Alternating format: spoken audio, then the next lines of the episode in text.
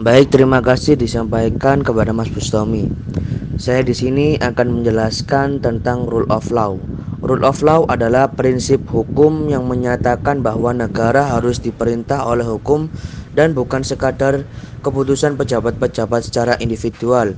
Prinsip tersebut biasanya merujuk kepada pengaruh dan wewenang hukum dalam masyarakat, terutama sebagai pengatur perilaku termasuk perilaku para pejabat pemerintah. Fungsi rule of law pada hakikatnya merupakan jaminan secara formal terhadap rasa keadilan bagi rakyat Indonesia dan juga keadilan sosial sehingga diatur pada pembukaan UUD 1945 yang bersifat tetap dan instruktif bagi penyelenggara negara.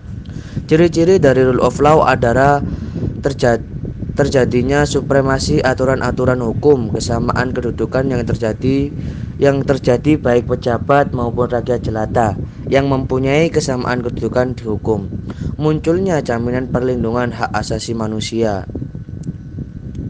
Dan hasil dari usaha tersebut adalah munculnya ajaran rule of law atau kekuasaan hukum yang di mana ditegaskan bahwa yang berdaulat di dalam sebuah negara adalah hukum, baik itu rakyat maupun penguasa diwajibkan untuk tunduk pada hukum. Rule of law pada kesimpulan di sini, rule of law sebagai suatu legalisme yang memuat wawasan sosial gagasan tentang hukum antara manusia, masyarakat, dan negara harus ditegakkan secara adil juga memihak pada keadilan. Prinsip-prinsip rule of law secara formal tertera dalam pembukuan UUD 1945.